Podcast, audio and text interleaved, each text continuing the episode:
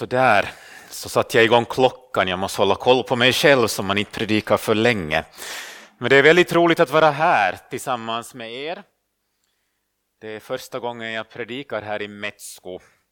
Stefan har ringt några gånger, men när man själv jobbar som pastor så är det inte så lätt alltid att få tid att komma, men det är jätteroligt. Lite kort om mig själv. Jag brukar ofta vilja veta lite grann vem det är som står framför en, så jag har varit pastor en ganska kort tid att jag började som eh, pastor och församlingsledare i Andreaskyrkan som en, eh, hör till Missionskyrkan i Finland i Helsingfors på Högbergsgatan 22. Vi firar faktiskt 140 års jubileum i slutet av oktober så, så vi har varit med ganska länge. Men jag har varit där alltså i tre års tid. Och före det så jobbade jag med allt möjligt och rörde mig en hel del i Åbo, för jag har faktiskt inte studerat här, men när jag doktorerade i statskunskap och jag jobbade inom den akademiska världen ganska länge faktiskt. Det var liksom den första delen, det är som en ishockeymatch, tre perioder. Första perioden var där, sen blev jag trött på, på det och ställde upp i ett val och, och blev inte invald. Jag misslyckades, men det var helt bra, det var säkert meningen. Men det ledde i alla fall till att jag började jobba inom politiken som rådgivare och har jobbat med det i Helsingfors och också i Bryssel. Och sen, för tre år sedan, blev jag pastor. Jag kommer lite att komma tillbaka till det här i min predikan eftersom det här hänger ihop med också temat som ni har här. Jesus är mitt liv, Jesus is my life. Nu är jag som sagt i Andreas och vi påminner till en del och mer. Vi har många olika språk där. Vi har gudstjänster på svenska och på engelska och på Kini-Rwanda, så det är varje söndag har vi tre gudstjänster. Eh, Kini-Rwanda är alltså det språk som man talar främst i Rwanda och det var i samband med folkmordet i Rwanda så kom det många till Finland och de har nu hittat ett hem hos oss så vi är många grupper, men vi är en församling. Det är något som jag alltid betonar som pastor, att vi är inte olika församlingar, utan vi är en församling med många nationaliteter. Själv är jag, jag brukar chockera människor och säga att jag lever i en modern familj med två pappor och en mamma. Jag ska förklara. Eh, det har att göra med för sex år sedan, nej sju år sedan blev det, blev det faktiskt, så var det en ung flyktingpojke från Afghanistan som dök upp i Andreaskyrkan. Han var 16 år gammal. Och jag kände på något sätt det var en, en, en gudomlig koppling att jag liksom frågade om jag kunde hjälpa honom på något sätt och efterhand så, jag går inte in på den storyn, det är en helt skild predikan, men det ledde till att han flyttade in hos mig och jag blev hans pappa. Uh, han hade förlorat kontakten med sin familj. Uh, människosmugglarna som hade tagit honom till Finland sa att familjen är död, han hade ingen kontakt med sin familj under tre års tid. Men sen dök de upp. Familjen lever och var i Afghanistan. Mamma och pappa och fem syskon. Nu lever de i Kanada faktiskt, familjen, som flyktingar. Och för en månad sedan fick jag träffa min medpappa för första gången. Han var i Stockholm där en av hans döttrar gifte sig. Och min pojke fick träffa sin riktiga pappa för första gången på åtta år. Det var, det var emotionellt. Men det är lite min bakgrund. Men nu, jag ska tala om att vi är kallade att följa Jesus. Jag läste en undersökning i, i, som kom i fjol om man frågar unga människor att vad är meningen med livet? Och så ställde man också frågan att Håller ni med om att ditt eget liv har mål och mening? Och det var rätt skrämmande att, att se svarsprocenten på den här frågan. Man hade ställt samma fråga fyra år tidigare. Då hade 60 procent svarat att de håller med om att mitt liv har mål och mening. Men nu så var det 30 procent som sa att mitt mål Eh, mitt liv har mål och mening. 30 procent. Och jag tror att det här är en generell trend som vi ser. Delvis tror jag det kanske påverkades lite av coronatiden. Men det är väldigt många som upplever att mitt liv har inte mening. Och man ser också att det är många som upplever ångest i livet. Och jag stöter också bland kristna på den här frågan ibland att men vad är liksom meningen med livet? Att vad är min kallelse i livet? Det är en sån här, åtminstone inom kristenheten, jag växte upp, min pappa var pastor, så jag har på det sättet varit med i en församling väldigt länge. Och det talas väldigt mycket om kallelse. Och jag har också mött äldre människor, det är inte bara unga som funderar på det här. Jag har mött äldre människor som kanske kan vara, vara lite bittra till och med och de säger att, att vad är liksom min kallelse? Jag har hela livet funderat på att vad är min kallelse? Och jag har liksom inte hittat min kallelse under hela mitt liv. Och så blir man bitter. Men hur ser Gud på det här med kallelse? Och vad är vår uppgift i livet? För det står faktiskt i Bibeln ofta att det var många personer som var kallade. Vi läser om Mose, Josef, Jesaja, som vi redan läste ur, Jeremia, Jona, de blev kallade. Och vi läser om Samuel som blev kallad. Och Herren fick ropa till honom många gånger innan Samuel äntligen svarade att Herre, här är jag. När vi talar nu om Jesus är mitt liv så tror jag det är väldigt viktigt liksom att vi inser det här. Att starten till att Jesus ska vara mitt liv, det är att vi är, är kallade. Och vad svarar vi på den kallelse som vi får? Och vi ska läsa dagens text som är väldigt kort och den kommer från Markus kapitel 1, 16 till och med 18. När han gick ut med Galileiska sjön fick han se Simon och hans bror Andreas stå vid sjön och kasta ut sina fisknät, för de var fiskare. Jesus sa till dem, Kom och följ mig. Jag ska göra er till människofiskare. Och de lämnade genast sina nät och följde honom. Här fick Simon, som sen började kallas för Petrus, och Andreas, de fick sin kallelse. Och den var väldigt enkel. Jesus sa till dem, kom och följ mig. Och så läser vi om att de genast lämnade sina nät och så följde de med Jesus. Och man kan ju faktiskt undra att, att visste de faktiskt vad de gav sig in på? Mitt i allt så kastade de sina nät och så följde de med sig Jesus. Och ni kan föreställa er den här bilden att, att det kommer en man gående, att de är vid stranden och håller på att fiska och kasta ut sina nät och så ser de på långt avstånd en man som närmar sig. Och så säger han plötsligt Kom och följ mig. Jag vet inte vad ni skulle säga om det skulle komma in en man här i kyrkan idag och säga till er Kom och följ mig. Andreas visste lite grann vad det handlade om. Det står i Johannes att han var lärjunge till Johannes döparen. Så han visste att det skulle komma en frälsare, att Jesus skulle komma. Och Petrus, brorsan, kanske då litade på Andreas som sa att det här är en bra typ, honom ska vi följa. Jag tror att det här med kallelse är så på något sätt svårt för oss att fatta eftersom vi i vårt västerländska samhälle är väldigt fascinerade med vad man gör.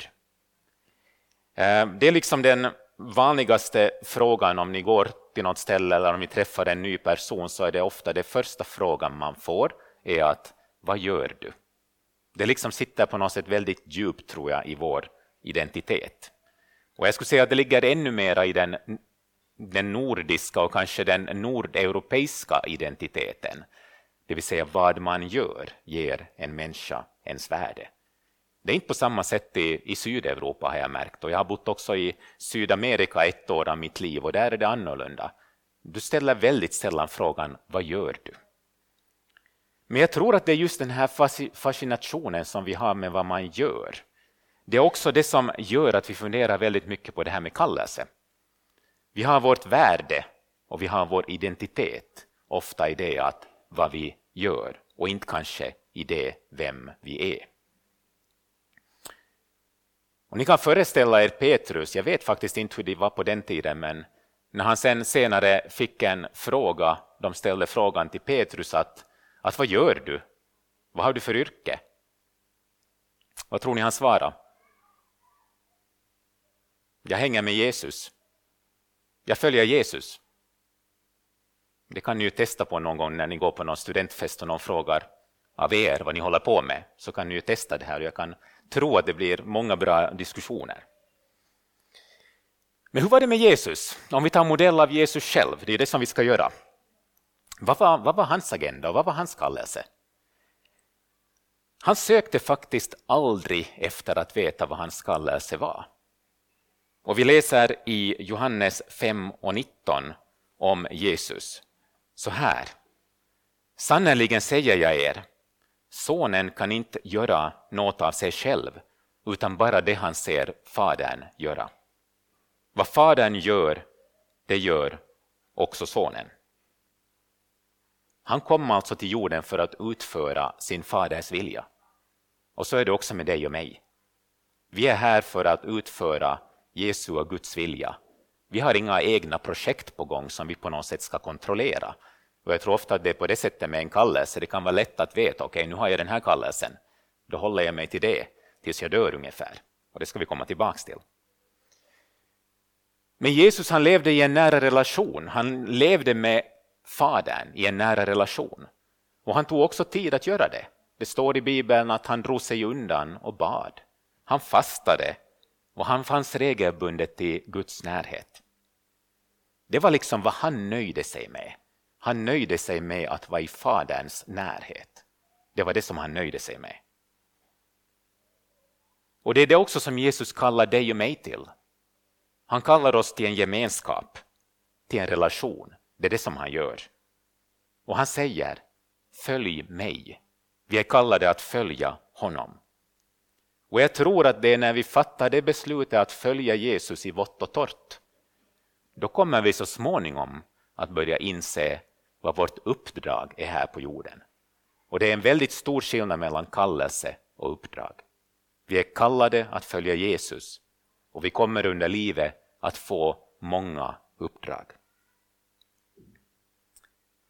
Så det viktigaste i livet är inte att veta vår kallelse, utan det viktigaste i livet det är att vi vet vem vi är kallade att följa. Och det är Jesus Kristus som vi är kallade att följa. Och det blir problematiskt när vi lägger identiteten i kallelsen. Du kan ha pastorer, väldigt många pastorer har sin identitet i att vara pastorer. Och det är fel. Det är helt obibliskt. De ska ha sin identitet i Jesus Kristus. Samma är det för alla av oss. Sen gör vi olika saker. Gud kommer att placera oss på olika ställen där vi så att säga får göra hans vilja. Och jag tror att när vi har vår identitet i Jesus Kristus, i hans kärlek, att vi upplever den, att vi upplever hans nåd, då tror jag att vi kan känna oss trygga. Också i den stunden när vi kanske inte vet vad vårt uppdrag är för stunden.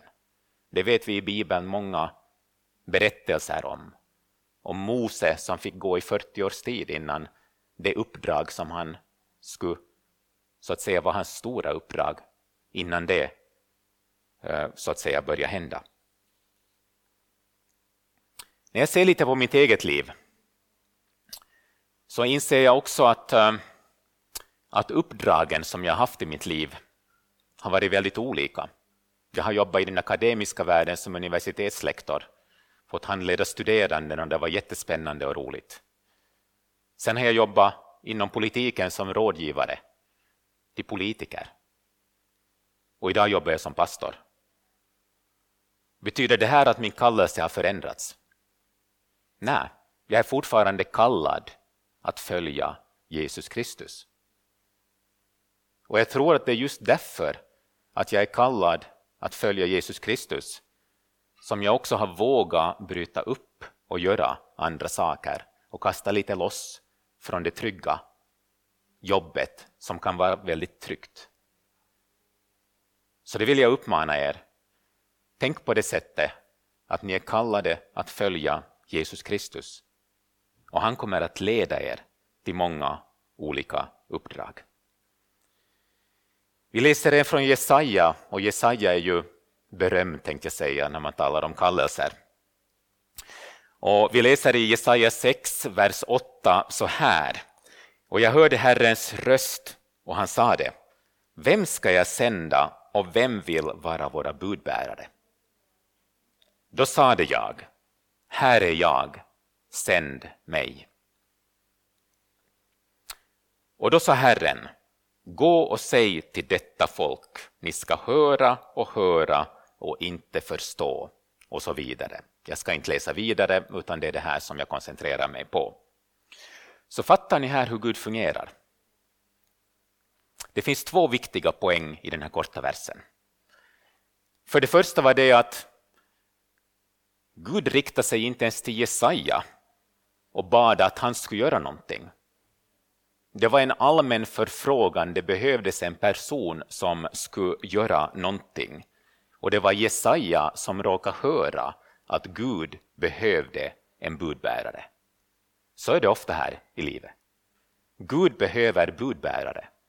Och då är det upp till oss att kunna lyssna, ha en relation med honom, att vi kan lyssna. Okej, okay, kanske det är jag som ska vara den här budbäraren.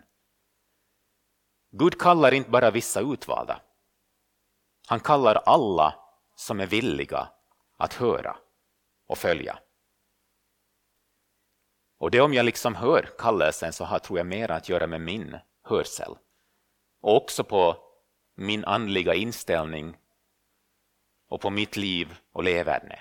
Jag vet själv att det har varit perioder i mitt liv när jag inte tycker jag har uppfattat vad som har varit Guds vilja. Ofta kan det vara att man behöver korrigera sitt liv, ta den tid som behövs i stillhet med Gud. Försök göra det varje dag, ta tid med Gud, läs Bibeln, be. Då blir man också, tror jag, lyhörd och kan lyssna in till vad Gud säger. Det står i Matteus 22.14 att många är kallade men få är utvalda. Betyder det här bara att Gud kallar vissa? Nej, det är det inte. Jag tror att det är just det här.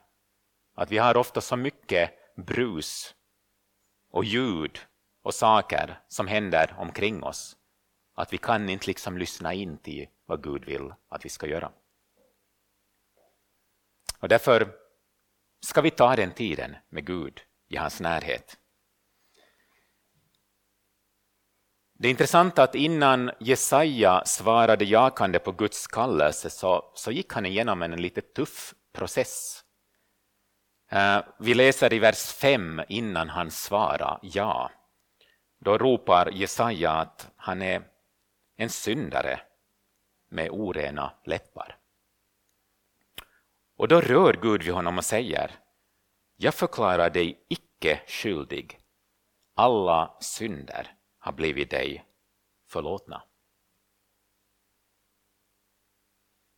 Samma budskap har Gud till dig idag. Du som känner dig misslyckad och kanske inte värdig att vara Guds budbärare.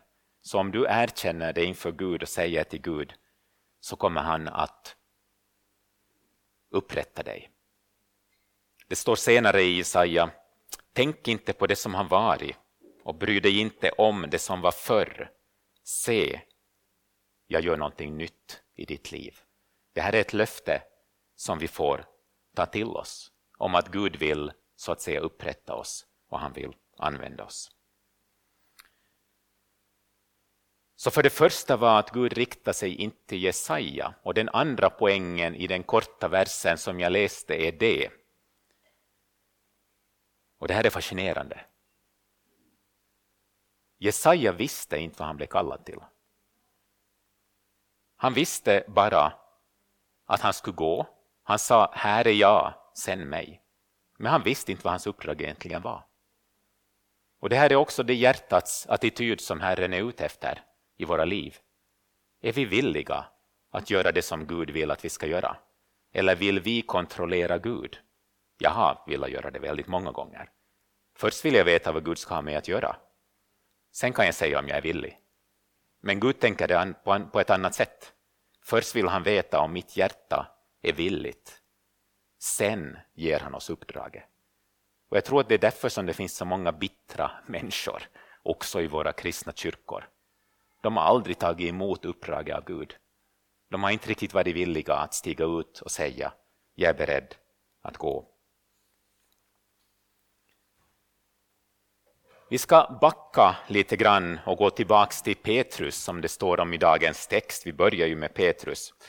Och jag tycker att Petrus är ett strålande exempel för oss att tänka på. För faktiskt agerar Gud lite på samma sätt med Petrus som han gjorde med Jesaja. Det, det vill säga att han gav honom en ny chans. Och jag ska avsluta med att ta er med på en, en resa i, i Petrus liv. Vi läste den när han blev kallad. Kom och följ mig, jag ska göra er till människofiskare. Och då lämnade Petrus och Andreas näten och följde med Jesus. Sen blev Petrus en av, man kan säga, lärjungarna i den inre kretsen tillsammans med Jakob och Johannes. Och när man läser Bibeln så inser vi att Petrus han var både impulsiv, han var frimodig, han trodde mycket på sig själv, han var stöddig. Men vi vet också att Petrus var den som förnekade Jesus tre gånger.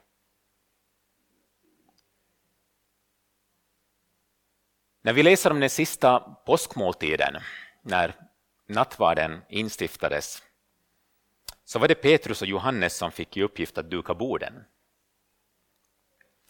Och strax efteråt satte de sig ner och, och började äta, äta middag tillsammans. Och kommer ni ihåg vad, vad de diskuterade vid middagen? Det var då som lärjungarna börjar strida om vem som är mest betydelsefull. Det här tror jag är bra att veta för oss också, att lärjungarna var inte, tänker säga Guds bästa barn alla gånger. De var ganska själviska och där sitter de sista måltiden tillsammans och diskuterar sådana frågor. Nåja, men det var en liten sidopoäng. Men det följande som står om i Bibeln tycker jag är intressant. Det är när Jesus säger till Petrus, han vänder sig till Petrus och säger Jag har bett för dig att du inte helt ska tappa din tro. Och när du har ångrat dig och vänt om till mig igen, styrk då tron hos dina bröder. Jag har bett för dig att du inte ska tappa din tro. Och när du vänder om, styrk då tron hos dina bröder. Petrus måste ha blivit ganska förvånad, tror jag, när Jesus sa det här till honom. Och vi vet vad Petrus svarade. Men Herre, jag är beredd att både gå i fängelse och dö för dig. Och då sa Jesus, Petrus, jag säger dig att innan tuppen hinner gala imorgon bitti kommer du tre gånger att ha förnekat att du ens känner mig. Skärtorsdagen var en intim middag mellan Jesus och lärjungarna, men det var också på många sätt ett, en svekets afton. Det var inte bara Judas som lite senare skulle förråda. Vi läser också om, om Jesus då han tog med sig Petrus och Johannes och Jakob och gick ut i Getsemanes trädgård för att be. Jesus ville ha med sig tre personer. Och Jesus sa till dem att min själ är bedrövad ända till döds. Stanna här och vaka med mig. Och jag tror att många av er vet vad som hände. De somnade. Inte bara en gång. De somnade tre gånger. Och det enda Jesus behövde var att någon skulle vara med honom.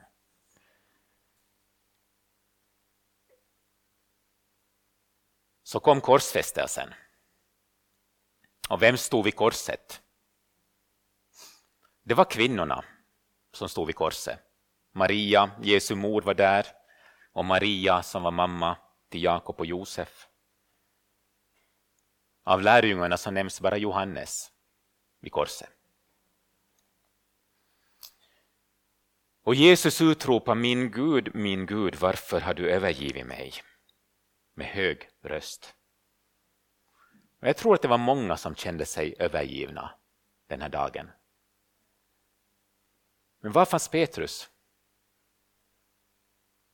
Vi vet inte var han fanns. Han hade precis innan förnekat Jesus tre gånger. Jag tror att han gömde sig djupt in i en skrubb eller någonting. Han var besviken. Jag tror han var besviken dels kanske för att Jesus var uppspikad på ett kors. Han tänkte att, att Jesus inte skulle korsfästas. Men jag tror att han var mest besviken på sig själv den här dagen. Ni kan föreställa er hur det känns i Petrus skor. Men så kom påskdagen. Det är den dagen så, som förtvivlan byts i tro och då sorg vänds i glädje. Då förkrossade förhoppningar som alla tänkte att nu är det över. De får liv igen. Det finns en ny möjlighet, det finns en ny chans. Och igen så var det kvinnorna som var först till graven, också på påskdagen. Och när de kom dit så såg de att stenen var bortrullad och så kom det en ängel som sa till kvinnorna Var inte rädda, jag vet att ni söker efter Jesus som blev korsfäst. Han är inte här. Han har uppstått, precis så som han sa det. Och så fortsätter ängeln och säger Men gå och säg till Petrus och de andra lärjungarna han går före er till Galileen, där ska ni få se honom så som han har sagt er. Gå och säg till Petrus, Petrus som hade förnekat honom, Petrus som hade svikit. Där nämner Jesus hans namn. Gå och säg till Petrus och till de andra lärjungarna. Lite senare så fick Petrus den totala upprättelsen.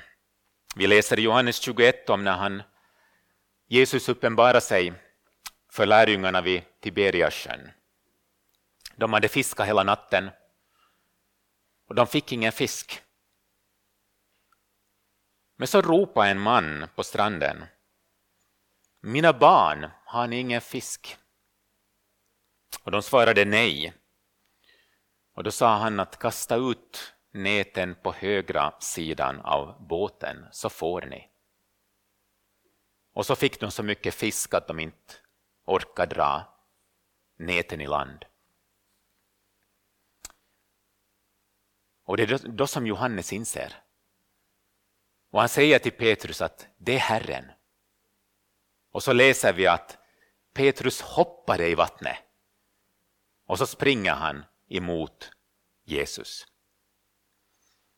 Och när de kom i land så läser vi att, att Jesus satt vid en eld en glödhög och han stekte fisk.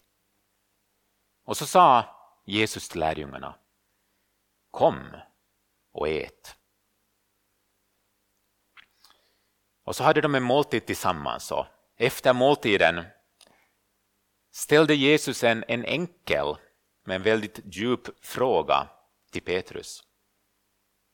Petrus, älskar du mig? Och han upprepade frågan tre gånger.